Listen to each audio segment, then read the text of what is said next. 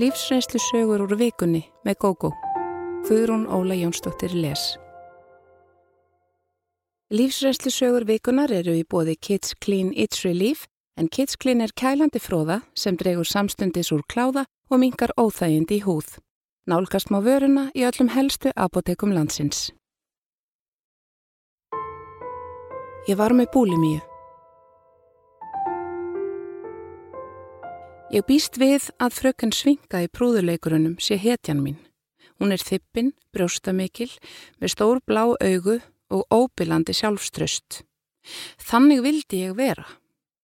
Fyrir nokkru fór ég að vinna markvist að því að auka sjálfströstið og breyta viðhorfi mínu til lífsins.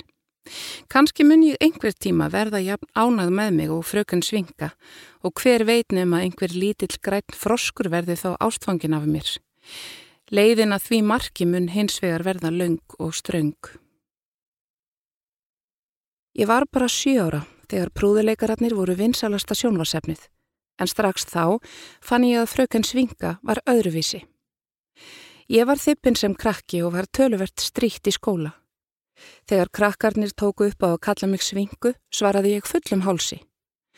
Ólíkt því sem þeir hefðu búist við, þá gladdi þetta mig og ég gætt sagt þeim að það væri nafngift sem ég teldi rós. Það voru ekki margar þjættvaksnar sjálfstæðar og hæfileikaríkar kvennpersonur á skjánum í þáttaga. Ég held áfram að fytna og brátt var tæplega hægt annað en að segja að ég væri feitt. Ég leið mikið fyrir þetta og reyndi hvað eftir annað að fara í megurinn. Oft náði ég af mér heilmörgum kílóum en alltaf sótti ég sama farið aftur um leið og ég hætti að fara eftir förstum matseðli. Mér fyrir mig og öll hreyfing. Áhugamál mín voru alls konar handavinna og föndur. Ég gætt unað mér við að sníða, sauma, teikna, mála og klippa allan daginn. Mamma hafði stundum áhyggjur af mér og reyndi að fá mig til að fara út að ganga eða eitthvað slíkt. Mamma er sjálf grannvaksinn og mjög kvikir hreyfingum. Hún er alltaf að gera eitthvað og getur sjaldan setið kyrr.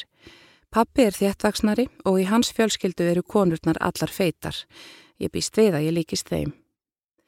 Þegar ég komst á úlingsárin og fór að velta útlitinu fyrir mér var það stöðugt erfiðara og sárara að vera feitt. Ég byrjaði í hverju megrunarkurnum og fætur öðrum og píndi mig í líkamsrækt. Við þetta tókst mér að letast um rúm 15 kíló. Ég var enn svo litið þjætt en leiti enguða síður mjög vel út af mínu mati. Að hafa náð svona góðum árangri hefði átt að gleyðja mig en í stað þess að gera mig ánægða gerði þetta mig hrætta. Ég var stöðugt rætt við að fytna aftur og þorði valla að borða neitt. Ef ég fjalli freystni og borðaði eitthvað sem mér þótti gott, fór ég umsvifa laust út að hlaupa eða þaut strax í rættina. Laugardag nokkurt var mér bóðið í grillveslu hjá vinum mínum. Maturinn var óskaplega góður og ég borðaði og borðaði. Ég drakk sömu leiðis nokkur vinglös en því var ég óvörn. Um leið og ég kom heim úr veislunni, greip samiskupiti mig og ég sá fyrir mér að daginn eftir kæmist ég ekki lengur í föttin mín. Ég dreif mig því í Íþróttafött og hendist út að skokka. Ég hafði ekki farið langt þegar mér varð óglatt og ég varð að flýta mér afsýðis og kasta upp. Ég kúaðist og kúaðist þonga til mægin var alveg tómur. Þegar ég var búin að kasta upp, leið mér mun betur og ekki bara líkamlega. Mér fannst það mikill léttir að vera laus við allan matin og fannst ég einhvern veginn frjáls. Ég gekk heim, létti spori og leið betur en nokkru sinni fyrr. Því lausniður í huga minn þegar ég laðist á kottan að þarna hefði ég fundið lausnina. Ég geti borðað það sem ég langaði í og einfallega losa mig strax við það. Þá myndi ég ekki fitna og þyrti ekki að finna til sektarkendar í hvert skipti sem ég sett upp um mig súkulaðumóla. Í mínum huga var þetta æðisleg hugmynd og mér fannst frábært að ég skildi hafa ælt vegna þess að sennilega hefði mér aldrei dotti þetta í hug annars. Næstu árin þróaðist sjúkdómurinn. Ég held áfram að fara í líkamsækt en var ekki lengur jafn stressuð.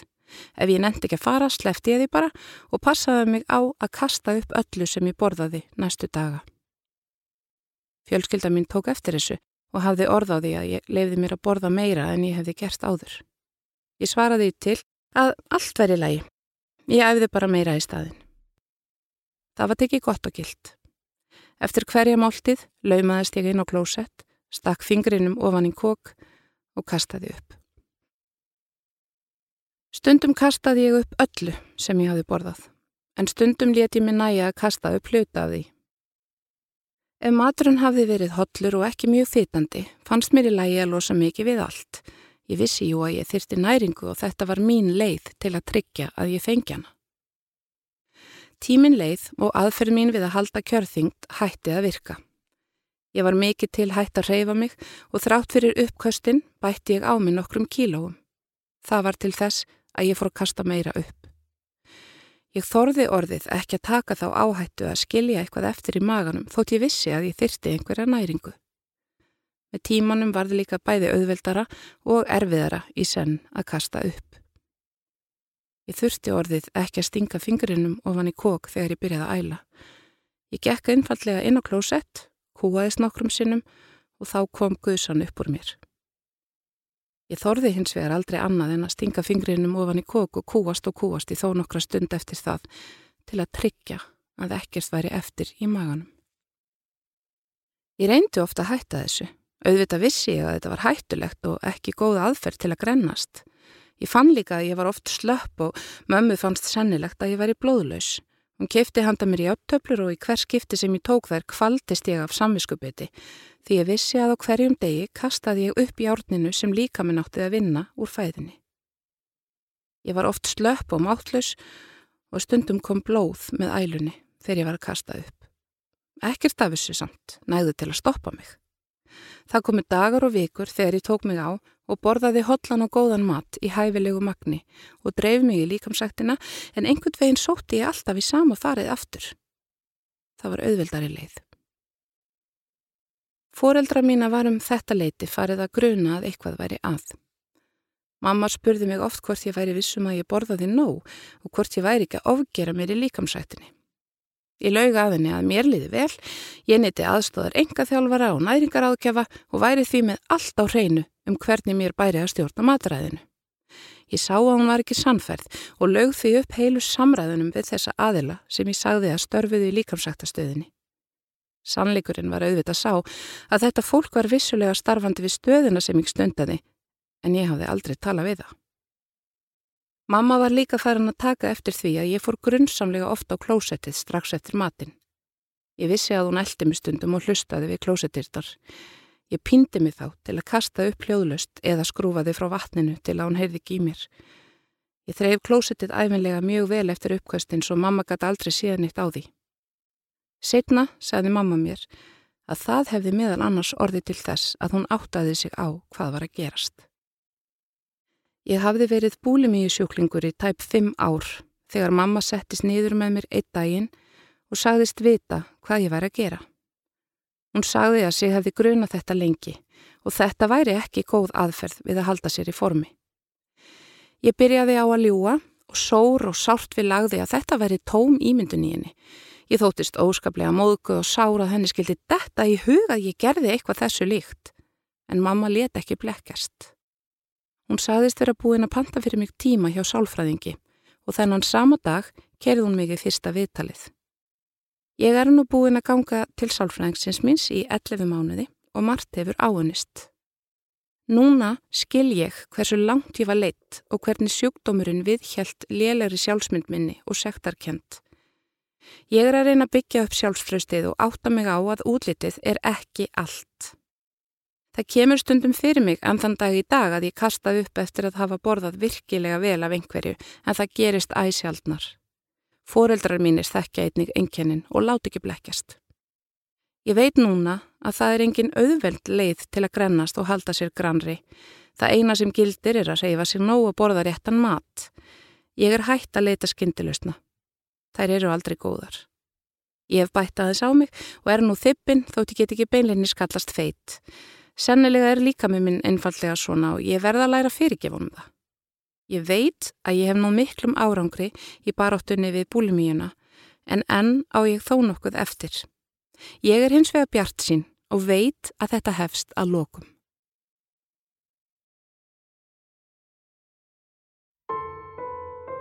Fyrirlitin vegna fjárhagsörðuleika Á Íslandi er börnum kent að ef þau vinni vel og séu dugleg þá uppskeri þau í samræmi við erfiðið sem þau leggja á sig. Allir geta eignast einbílisús og bíl og þeir sem ekki geta það eru fyrirlitnir en það telja allir að eðslusemi eða annari óreglu séum að kenna. Ég varð fyrir því að missa allt mitt í botlösa hít vaksta og dráttarvaksta og tel mig ekki verið mannesku fyrir það. Fyrir um 15 árum byggum við hjónin í lítilli tvekjaherbergja íbúð sem við áttum skuldlösa. Ég varð ófrísk og við sáum fram á að get ekki búið í þessu litla plássi með þrjú börn þóttu hefðum látið okkur hafa það með tvö. Við ákvaðum að kaupa stærra og eftir nokkra leit fundum við og keiftum fjögur að herbergja íbúð í góðu hverfi. Ágætt verð fegst fyrir okkar íbúð og með lífeyri sjóðs og húsnæðislánum átti þetta að hafast ef velir þið á haldið. Íbúðin þurfti endur nýjunar við og það allra nöðsynlegasta var gert áður en við fluttum inn en ákveðið var að láta hitt býða betri tíma. Við fundum fljótlega að buttan var letari um hver mánaðamót þar sem eigin hluti launa okkar fóri að greiða af íbúðinni. Allt gekk þó ágætlega, þar til að maðurinn minn veiktist illa.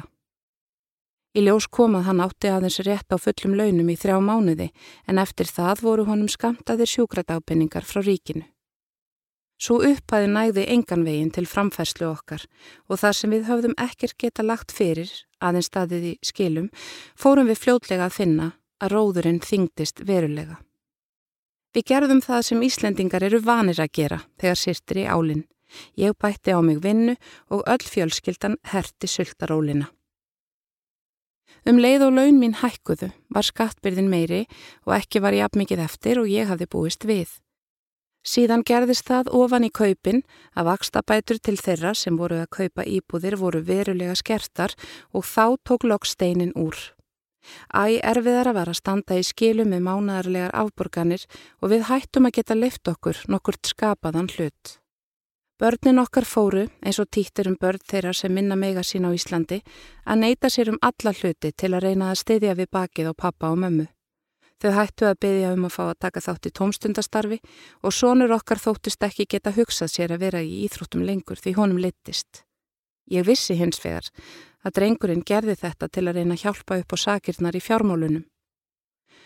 Hann vissi líka sem var að við myndum ekki geta borga keppnisferðir, æfingabúðir og allan þann útbúnað sem talin er þurfa meðal barna í íþróttastarfi hér á landi. Með þessum einlæta lifnaði heldum við okkur á floti í tvö ár Þá vorum við öll orðin svo þreytt að við ákvaðum að leita leiða til að komast út úr vítarhingnum.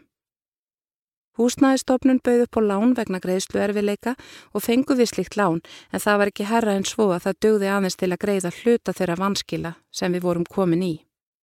Heilsa mannsins míns var enn slæm en hann fór að reyna að vinna til að hjálpa upp á sakirnar og það var til þess að honum versnaði.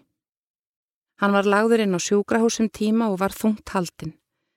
Um þetta leiti ákvaðum við að skilja því okkur leist þannig á að stöðningur hins ofinbera við einstæðar mæður myndi sennilega döga til að við gætum haldið íbúðinni. Allt kom það þó fyrir ekki. Vanskil heldu áfram að hlaðast upp og þegar vaksta vextir bætastofan og vexti eru uppæðir fljótar að hækka. Að lokum urðum við að horfast í augu við að þetta væri vonlus baráta. Við seldum íbúðina en fengum aðeins þólanlegt verð fyrir hana því allt sem þurft að gera upp og laga var enn og gert. Fastegna verð á höfuborgarsvæðinu hafði einnig staðið í stað. Við leituðum að íbúð af svipari stærð á ódyrari stað og gerðum nokkur tilbúð sem ekki var tekið. Jól, liðu og áramót og allt í einu varð verðsprenging á fastegnamarkanum Íbúðir eins og svo sem við höfðum verið að selja hækkuðum þrjár miljónir á nokkrum vikum. Við þurftum einnig að taka á okkur söluleun til fastegnarsala, afföll af húsbreyfum og kostnaðin við flutningana og nú stóðum við frammi fyrir því að við áttum ekki fyrir íbúð. Uppæðirna sem við áttum dögði genusinni fyrir tveggjaherbergja íbúð eins og þeirri sem við höfðum búið í upphaflega. Fólk sem á enga varasjóði og gerir ekki betur með launum sínum en að standa í skilum og skrimta árum saman getur tæpast seilst í hinn vasan. Hvorugt okkar var þannig statt að við getum leita til ættingja eftir hjálp. Við fundum hins vegar greinilega að engin aðstandenda okkar skildi hvernig komið var fyrir okkur og flestir trúðu því að eðslusemi og óráðsífi fjármálum væri um að kenna. Við fengum ansi ofta heyra frá Karlkins ættingja mannsins míns að hann skildi ekki hvernig við hefðum geta komið okkur í þessi vandræði. Þessi tiltekni maður hafði aldrei skrifað upp á lán hjá okkur og hafði á engan hátt rétt okkur hjálparhund. Það er því undarlegt að hann skildi verða til þess að segja þetta upp í opi getið á okkur. Ekki það að aðri let okkur líka heyra það, þótt óbeint væri. Það var gjarnan farið að ræða um leiðir til sparnaðar, betri fjármálastjórn og um fólk sem kæmi sér stöðugt í fjárraksvandræði þrátt fyrir góð laun þegar við vorum nálegt. Ég verða að játa að mér sárnaði mjög við vinkonu mína en hún og maður hennar lendu í sömu vandraðum og við en mistu ekki íbúðina. Let hún í það skína að hún skildi ekkert í auðmíkjaskapnum í okkur. Hún vissi ekki að maðurinn hennar hafði sagt mér að fadir hans hefði veitt þeim verulega fjáráslega aðstóð en þegar ég nefndi það við hana vild hún ekkert við að kannast og fullirsti að þau hefðu einfallega komist úr erfileikunum fyrir eigin dugnað og útsjónarsemi. Á þessum tíma reyndi ég líka að taka námskeið til að gera mig að vermaðar í starfskrafti þar sem ég vann lálunastarf og hafði ekki möguleika á betri launuðu starfi. Þessi námskeið skiluði mér þó lítilli launahækkun sem svaraði valla þeim kostnaði sem ég lagði út í vegna þeirra. Þegar við seldum fór stærstur hluti af því sem við áttum í að greiða upp skuldir og við stóðum eftir nánast slip og snauð þrátt fyrir að hafa átt skuldlösa litla íbú þegar lagt var upp. Til allrar guðslökku voru við þó skuldlaus. Nú vorum við komin á leikumarkaðin og gekk ekki á öðru en fluttningum hjá okkur næstu árin. Flestar íbúðir eru aðeins leiðar tímabundið meðan eigandur þeirra eru erlendis eða þar til ættingar þurfa á þeim að halda. Við reyndum eftir megni að halda okkur innan eins hverfis svo börnin þyrtu ekki að skiptum skóla en það tókst ekki alltaf. Eitt barnana okkar fann illa fyrir þessu en hinn gáttu betur bjargað sér, eru þannig personuleikar. Þegar ágjafastofa um fjármál heimilana var stopnuð, leituðu við þangað og fengum góð ráð. Með hjálp þeirra tókst okkur að skipuleika fjármálinn þannig að við getum lagt fyrir og erum við nú að sapna fyrir íbúð. Líkt og áður getum við ekki leift okkur neitt en vitum þó að við erum að vinna að betri framtíð. Mér þykir verst hver erfitt allir eiga með að skilja þann vanda sem við lendum í. Margir hafa gengið í gegnum svipaða reynslu og sömum tekst að halda sér á floti en aðri sökva eins og við gerðum. Mikið hefur verið fjallað um greiðsluerfileika heimilanna í fjölmjölum en stöðugt með þeim formerkjum að fólk komi sér í vandraði vegna þess að það leifi sér svo mikinn munað. Við finnum stöðugt fyrir fordómum. Það færist alltaf vantrúarsvipur yfir andlit viðstatra ef maður hefur máls á því að óhefni hafi orði til þess að við mistum allt.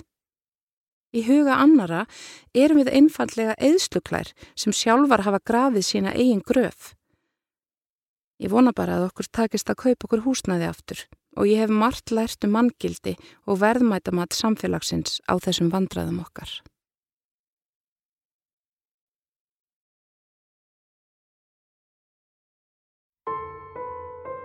Skelvilegur brúðköpsdagur.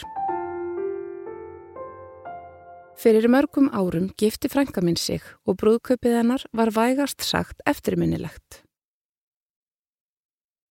Margret frænka mín er ljúf og indisleg manniska sem er þykir afarvæntum.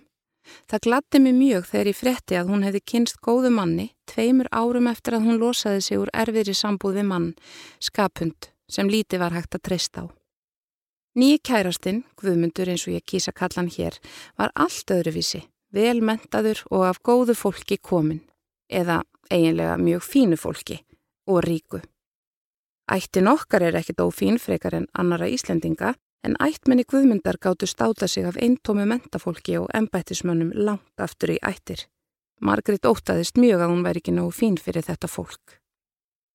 Eftir að ég kynntist fólkinu hans guðmyndar áttaði ég mig á því að það er ekkert fjærþví en að vera snoppað. Þau eru bara ljúft og indislegt fólk. Þau gætu svo auðveldlega mist sig í snopp en eru greinilega og vandað fólk til að gera slíkt. Ég þekki fólk sem er ekki hálfdrættingur á við þau en finnst það samt svo miklu fítna en aðrir. Sagtur um eldabuskurnar í Buckingham höll að þær séu snoppari en kongafólki sjálft sem ég finnst ótrúlega fyndið.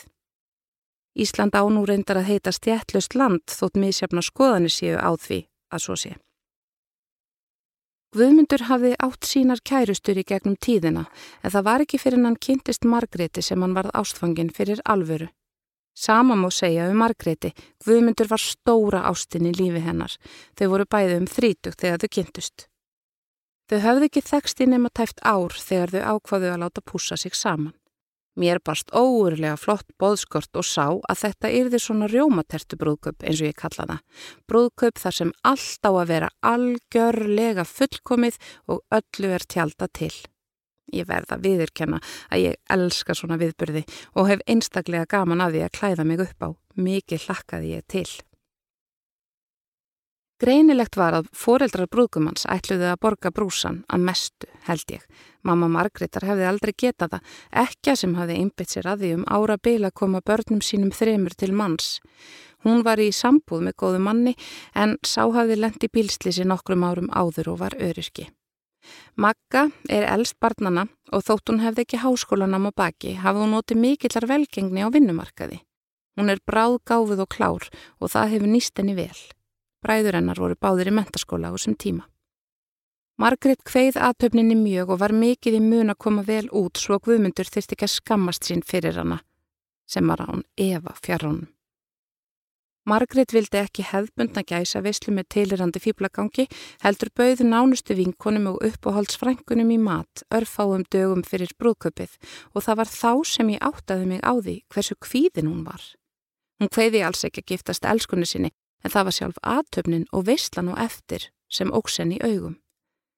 Stjúpi hennar ætlaði að leiðana inn kirkugólfið og vera svaramadurinn hennar og fannst það mikill heiður. Samband þeirra tveggja hafði alltaf verið mjög gott og Magga kunnað vel að meta hver góður hann hefur verið við mömmunar og þau sískinin síðan að komin í líf þeirra. Svo rann brúðköpsdagurinn upp. Bjartur og fagur, sólinn skein í heiði og veðrið var eins og pantað fyrir brúðköp.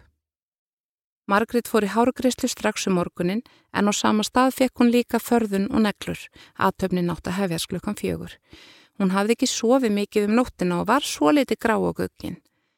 Á hár og snirtustofunni var henni bóðið upp á kampamisglasi tilefni dagsins og þá í raun hófst atbyrðarásinn sem átti eftir að hafa mikil áhrif á næstu klukkutímana. Margret náði að slaka vel á eftir að hafa drukki kampavísglasið og þegar hún var komin heim til foreldra sinna fór hún beint í ískapin og sóti sér freyðvinsflösku síðan í gæsabóðinu nokkrum dögum áður. Við höfðum ekki mist okkur í drikju það kvöld, svo nokkrar flöskur voru eftir sem Margret ætlaði að fara með heim til sín og kvumundar en var ekki búin að því. Hún heldi sér í glas og böði mömmu sinni og stjúpföður með sér. Þau skáluðu fyrir deginum og fallegu brúðinni. Án þess að mamma og stjúpi Margretar erðu vörfið það hafði hún klárað úr flöskunni og líklega opnað nýja því hún var orðin ansi drukkin þegar þau áttuðu sig. Margrit var ekki vön mikill í drikju og áttaði sig eflust ekki á því hvað freyðivín eða kampavín ríkur upp í höfuðið á manni. Ertu full barn? saði mamminar og fylltist skelvingu. Það var ekki nema tæpur hálftími í að þau þyrtu að leggja af stað til kirkjunar. Hún bjóð til kaffi í kvelli og reyndi að koma því ofan í Margreti sem vildi ekki sjá það. Það heldist smá kaffi í brúðakjólinn en það var hægt að reynsa það úr á meðtíma og nú hafði gleðin breyst í mikið stress hjá þeim öllum Margrit var líklega rólegust þó. Þau settust svo út í bílinn sem beði fyrir utan með bílstjóra undir stýri og svo var ekið til kirkunar. Vel gekk að ganga inn kirkukólfið en það stutti stjúpin þétt við brúðina.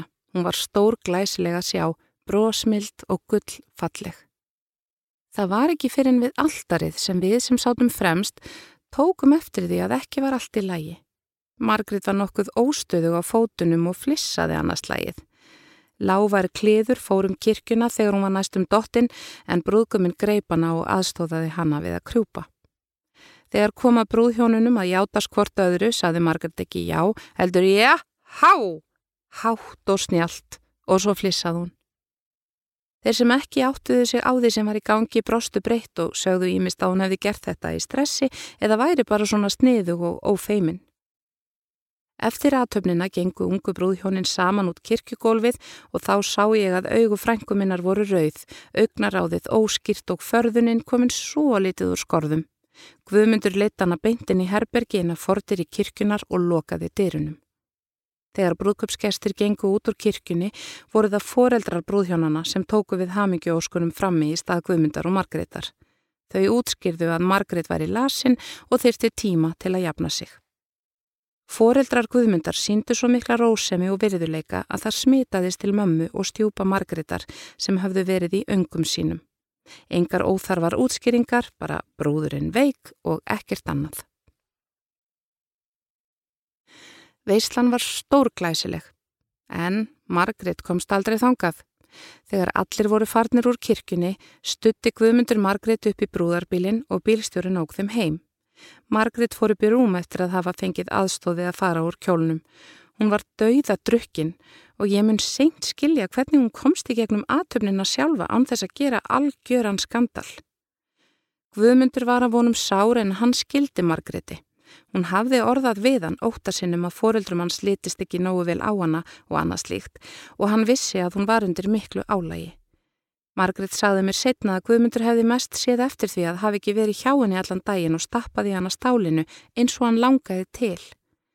En það var þetta með hefðirnar sem þau vildu bæði halda í, að brúðguminn sæ ekki brúðina í fullum skrúða fyrir en við alltarið og það var of seint að sjá eftir því. Mamma Margreðar kom fljótlega og bauðst til að sitja hjá henni svo Guðmundur geti farið í smá stund í veisluna og hann þáði það. Þótt einhverjir hafi gert sér grein fyrir því að Margreð hafi einfallega verið dauða drukkin í atöfninni vissu það alls ekki allir. Guðmundur mátti því róa gamlar frængur og frændur sem höfðu einlegar áhyggjur af veikindum brúðarinnar. Hann settist hjá foreldrum sínum við háborðið og náði að borða eitthvað smávegis og spjalla við fólk áður en hann dreif sig heim aftur til Margreðar. Hjónin ungu áttu að mæta í myndatöku strax eftir atöfnina en Guðmundur fekk henni frestað um nokkra daga. Förðuninn var endutekinn þá og myndirnar eru ljómandi fallegar. Dægin eftir brúðköpið neytaði Margrét að fara á fætur. Hún myndi eftir öllu en þjáðist af timburmönnum og gífurlega miklu móral. Guðmyndi tókst að drífa hana fram úr fyrir rest en fóreldrar hans mættu í heimsóknum kvöldið eins og áallad hafði verið. Þau voru mjög indisleg við Margreti og myndust ekki á neitt. Sögðu bara að það væri gott að hún væri búin að jafna sig. Hún rætti þetta við þau síðar og baði afsökunar en þau sögðin að hafa engar áhyggjur. Þau tala aldrei um þetta, að minnstakosti að fyrirbræði, en taka gletnislega undir ef Margret og Guðmundur tala um þennan skrítna og í raun skjálfilega brúðköpsdag. Hjónaband Margretar og Guðmundar hefur verið mjög farsælt og búrið góðan ávöxt. Þau hafa eignast falleg og elskuleg börn sem afarnir og ömurnar keppast við að degra á allan máta svona eins og afar og ömur eiga að gera. Mörg ári liðu þar til Margrét gætt talað um þennan óglemalega dag sem átti að vera besti dagur lífsennar en varð eitt þeirra allra verstu. Nú getur hún hleyið að þessu öllu saman en ofinbera skýringin á veikindum Margrétar þennan dag er að hún hafi fengið slæmt ofnamiskast og við tölum ekkert um þetta á annan hátt utan okkar hóps. Margret hefur farið mjög varlega í að drekka síðan þetta var og skildi engan undra. Mér finnst í lagi að segja frá þessu hérna þar sem ég langar að vara tilvonandi brúðir og brúðguma við því að fara offari að drekka áfengi á stóradeginum þótt stressið sé að fara með þau. Ég hef heyrt sögur af skrautlingum brúðköpum en þá er brúðkuminn frekar sökudólkurinn vegna drikki og ég heyrði af dásamlegu brúðköpi sem fór fram á sjönda áratug síðustu aldar þar sem brúðhjónin gengur saman upp að aldarinu og brúðkuminn datt killi flatur fyrir fram á prestin. Fall var farar heilið við tilfelli og greinilega líka hjá Kvumundi og Margreti þar sem undarlegur brúðköpsdagur þeirra hafði enga eftirmála.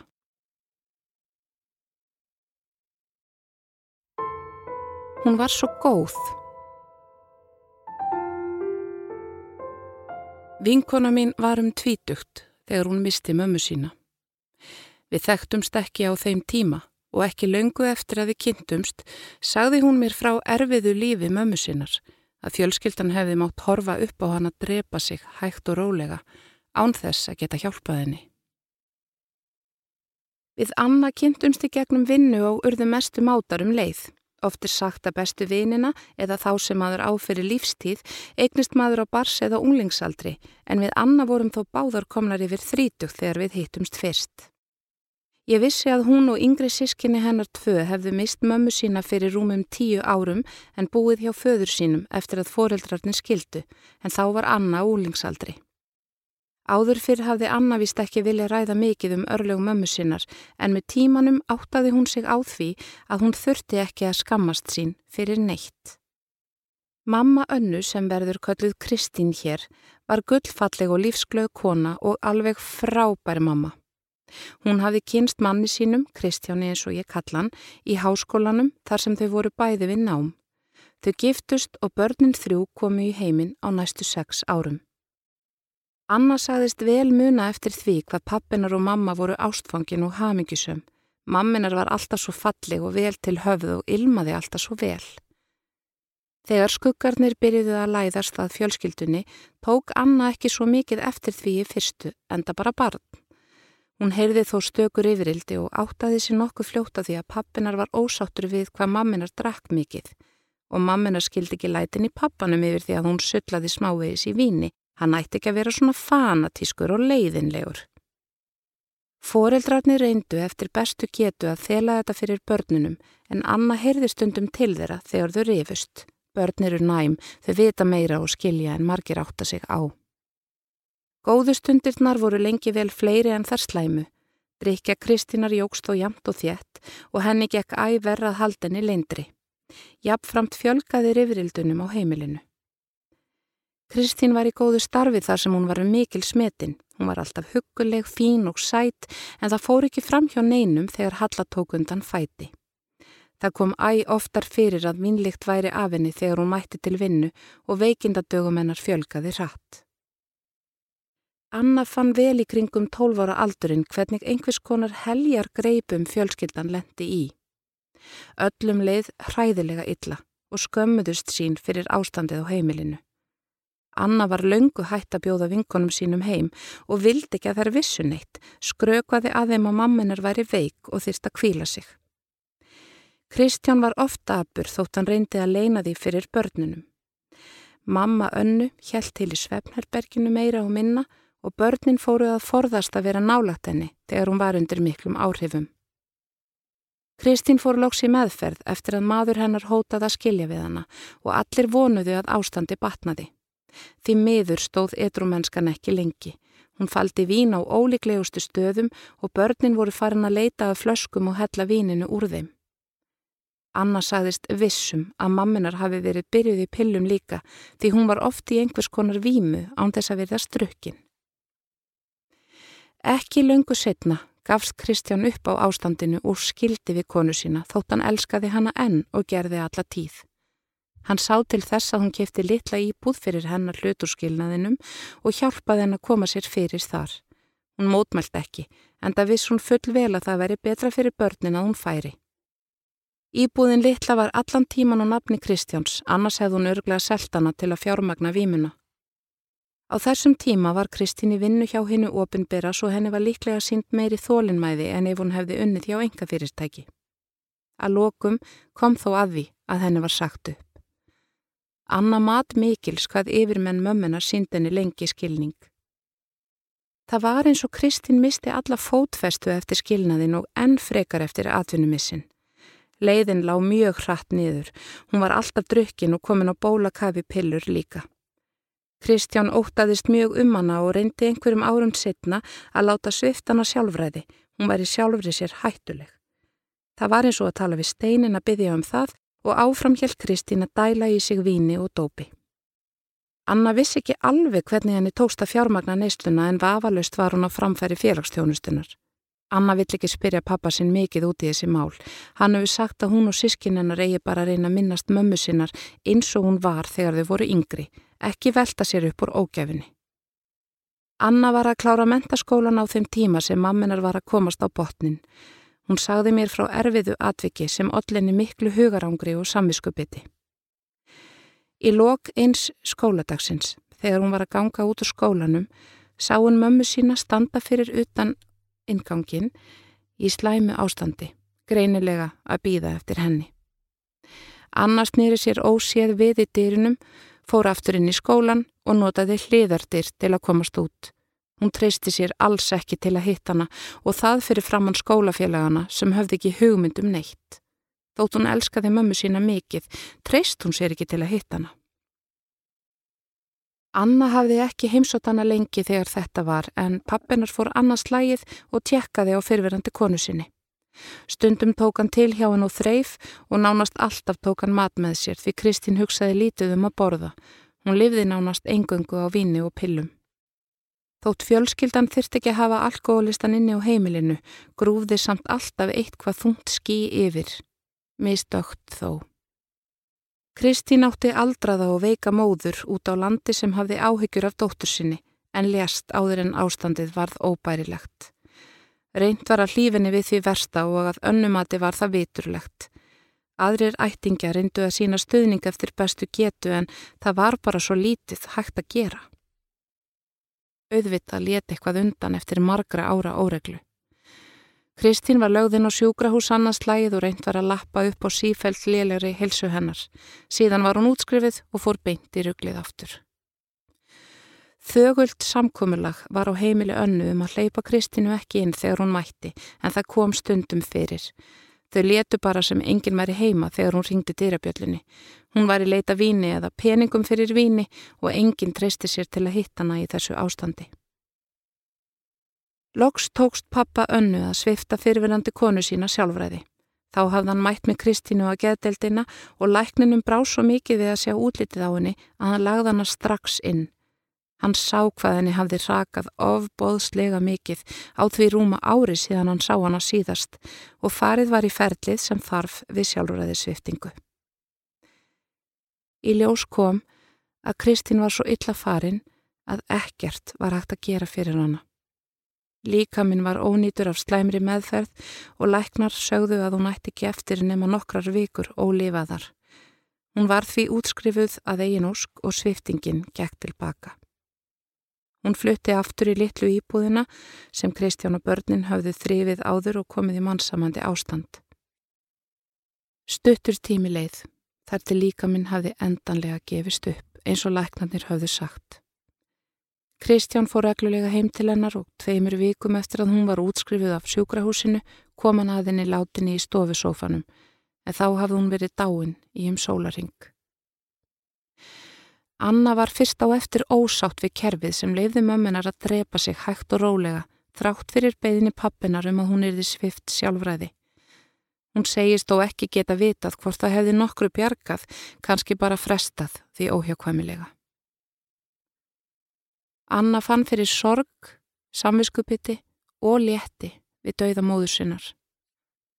Sorg yfir gömlu góðu mömmunni samviskupiti yfir því að hafa forðast hana síðustu árin og leti yfir því að þessu væri lokið. Sískinin gerðu sér öll grein fyrir því að þetta endaði bara á eitt veg en vonuði einst inni að kraftaverk gerðist. Anna og sískinni hennar komu í raun ótrúlega heil út úr þessu öllu saman. Kristján hafði verið döglegur að leita aðstóðar fyrir þau, sendu þau á námskeið fyrir börn alkohólista og sjálfur sóttanum tíma ala nónfundi. Kristján hafði líka, líkt á börn hans, samviskupið yfir því að hafa skilið við Kristínu á sínum tíma en vissi samt að ef hann hefði ekki skilið hefði hann bara fresta því óhjákvæmilega. Hjá Alanón var honum sagt að hætta allri meðvirkni, ekki fara heim til Kristínar með mat, það kemi veg fyrir að hún gerði eitthvað í sínu málum. Eflaust heilmikið til í því, en Kristján var bara vissum að hún myndi hvortið er ekki gera neitt. Hann sagði önnu síðar að hann hefði aldrei séð eftir því að hafa reynd að gera líf mömmunar ögn bærilegra. Líklega hefði hún lent á götunni ef hann hefði ekkert gert og það fannst honum hræðileg tilugsun. Kristján kynntist góðri konu rúmu ári eftir lát Kristínar og hefur blómstrannið henni síðan. Börnin eru allsæl fyrir hans hönd og þykir mjög vænt um konuna. Anna er mjög þakklátt pappa sínum fyrir allt sem hann gerði fyrir hann og sískinni hennar og einning mömmunar. Hann náði að halda öllu saman og búa börnunum gott heimili og öryggi þrátt fyrir allt. Hún er farin að minnast mömmu sinnar eins og hún var áður en veikindin tóku yfir. Hún var svo góð, segir hún þegar hún talar um hana og ég efast ekki um að það sé rétt. Lækning að handan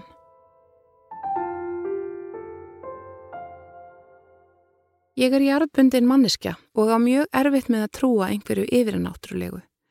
Tvísvar hefur þó hend mig með löngu millibili eitt hvað sem ég get ekki fundið neina eðlilega skýringu á.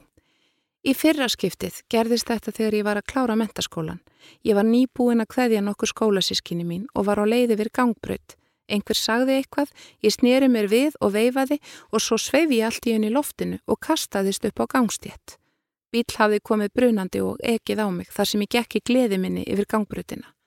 Sólinn hafði blindað aukumannin og ef ég hefði ekki snúið mér við til að veifa vinunum hefði ég líklega getað forðað mér. Ég slasaðist ekki lífsættulega en þurfti að liggja á sjúkrahúsi í tvær vikur. Stutt var í próf og ég hafði lítið annað að gera en að lesa skólabækurnar en átti einstaklega erfitt með að innbytta mér.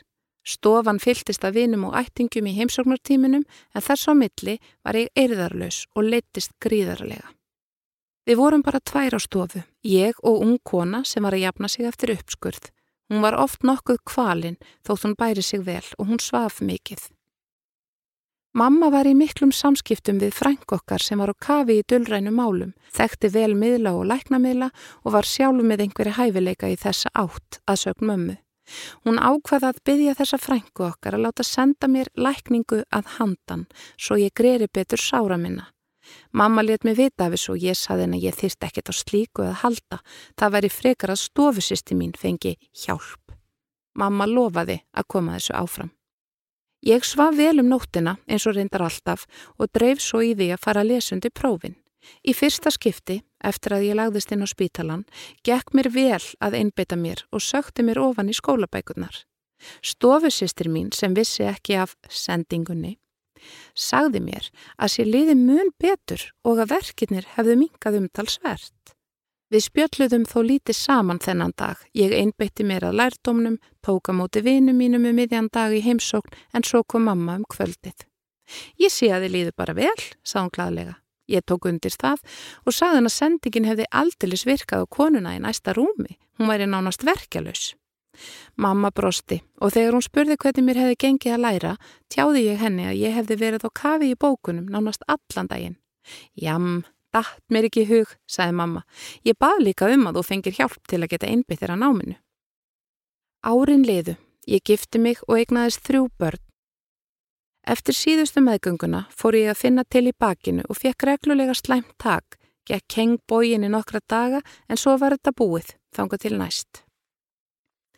Heimilisleiknirinn minn gaf mér öðvarslakandi, bólgueidandi og hvaðeina en sendi mér lóks í sjúkraþjálfun sem var til þess að ég fann valla til í bakinu næstu árin. Snemma ársi fyrra vaknaði ég með óvenjulegan bakverk. Ef ég reyfði til dæmis höndina eða höfuðið eitthvað vittlust þá leti það eins og rafströymur niður líkamann. Ég komst við illan leik og grátandi af kvölum fram úr rúminu en maðurinn minn gæti ekkert hjálpa mér. Ef maður reyndi að toga mig upp eða stiðja við mig þá öskraði ég bara. Ég þurfti sjálfa að finna aðferðina og það tók langan tíma. Eftir smástund fjall eitt hvað í réttar skorður og mér tókst að ganga en bara mjög stuttar vegalengdir. Best var að setja, slæmt að ganga og verst að liggja, þanga til mér hugkvæmdist að setja samanváða sæng undir nýspæturnar. Nokkra nætur svaf ég þó upprétt í stól og það var ömurlegt, en alltaf fór ég í vinnuna. Eftir rúma viku og ekkert hafði lagast, fór ég til læknis sem sagði þetta vera brjósklós, skrifaði livseðil fyrir verkjalifjum og sagði mér svo að fara út að ganga. Göngur væru það besta fyrir mig. En það er svo sárt að ganga, mótmælti ég. Ég reyndi þó að hlýða lækninum en gata það ekki, fannst mér bara vestna við að ganga. Ég fór líka í nokkur skipti til sjúkraþjálfara sem kendi mér meðal annars að komast fram úr rúminu á sem sásöka minnstan hátt. Mánuðir liðu og mér versnaði jamt og þjætt, var komin á svo sterk verkjalið að ég var sífælt sifjuð en ég fór þó alltaf í vinnuna og leiði raun ekkert illa, það er eins og maður venni í stöllu.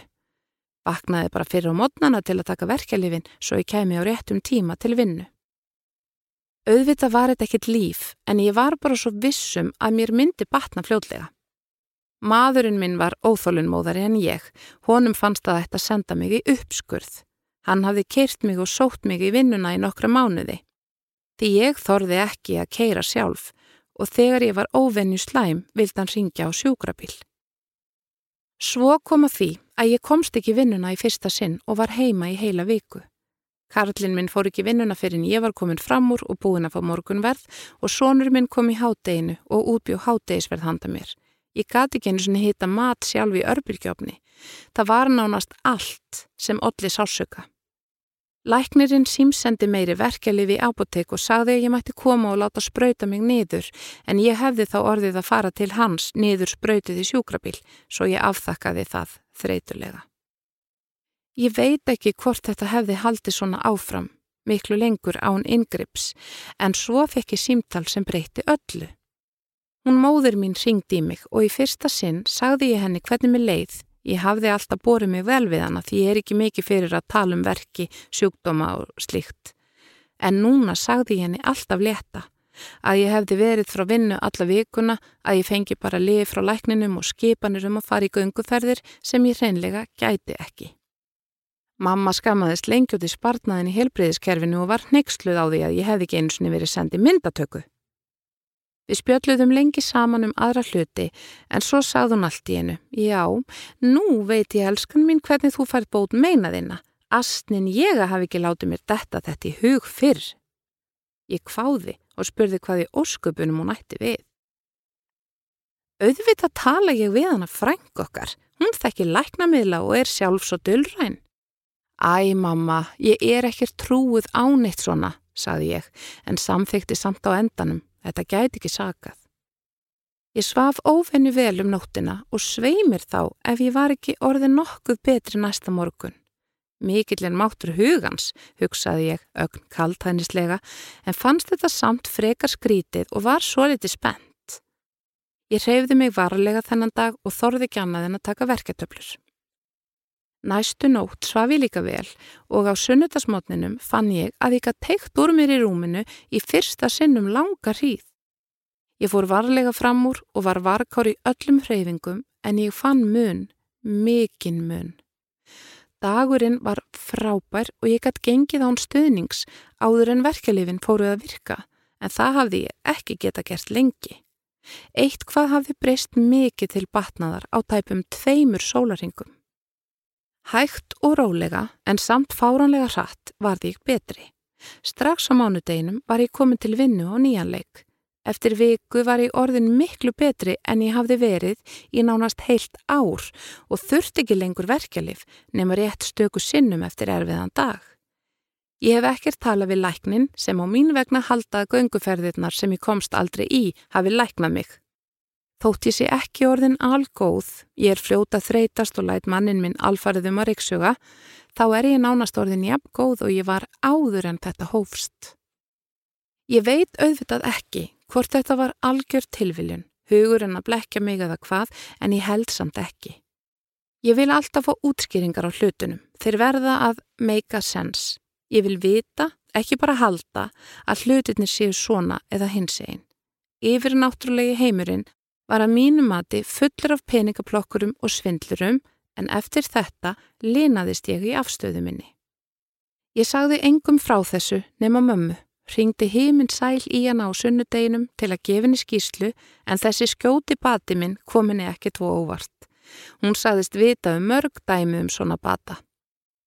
Ég baða hann um að skila hverju til frængu sem ég þekki í raun ekkert þar mamma eru bara góðar vinkonur, nú orðið mest í gegnum síma en hún frænga mín er mikil mannafæla. Kanski ekkert skrítið ef hún hefur svona hæfileika.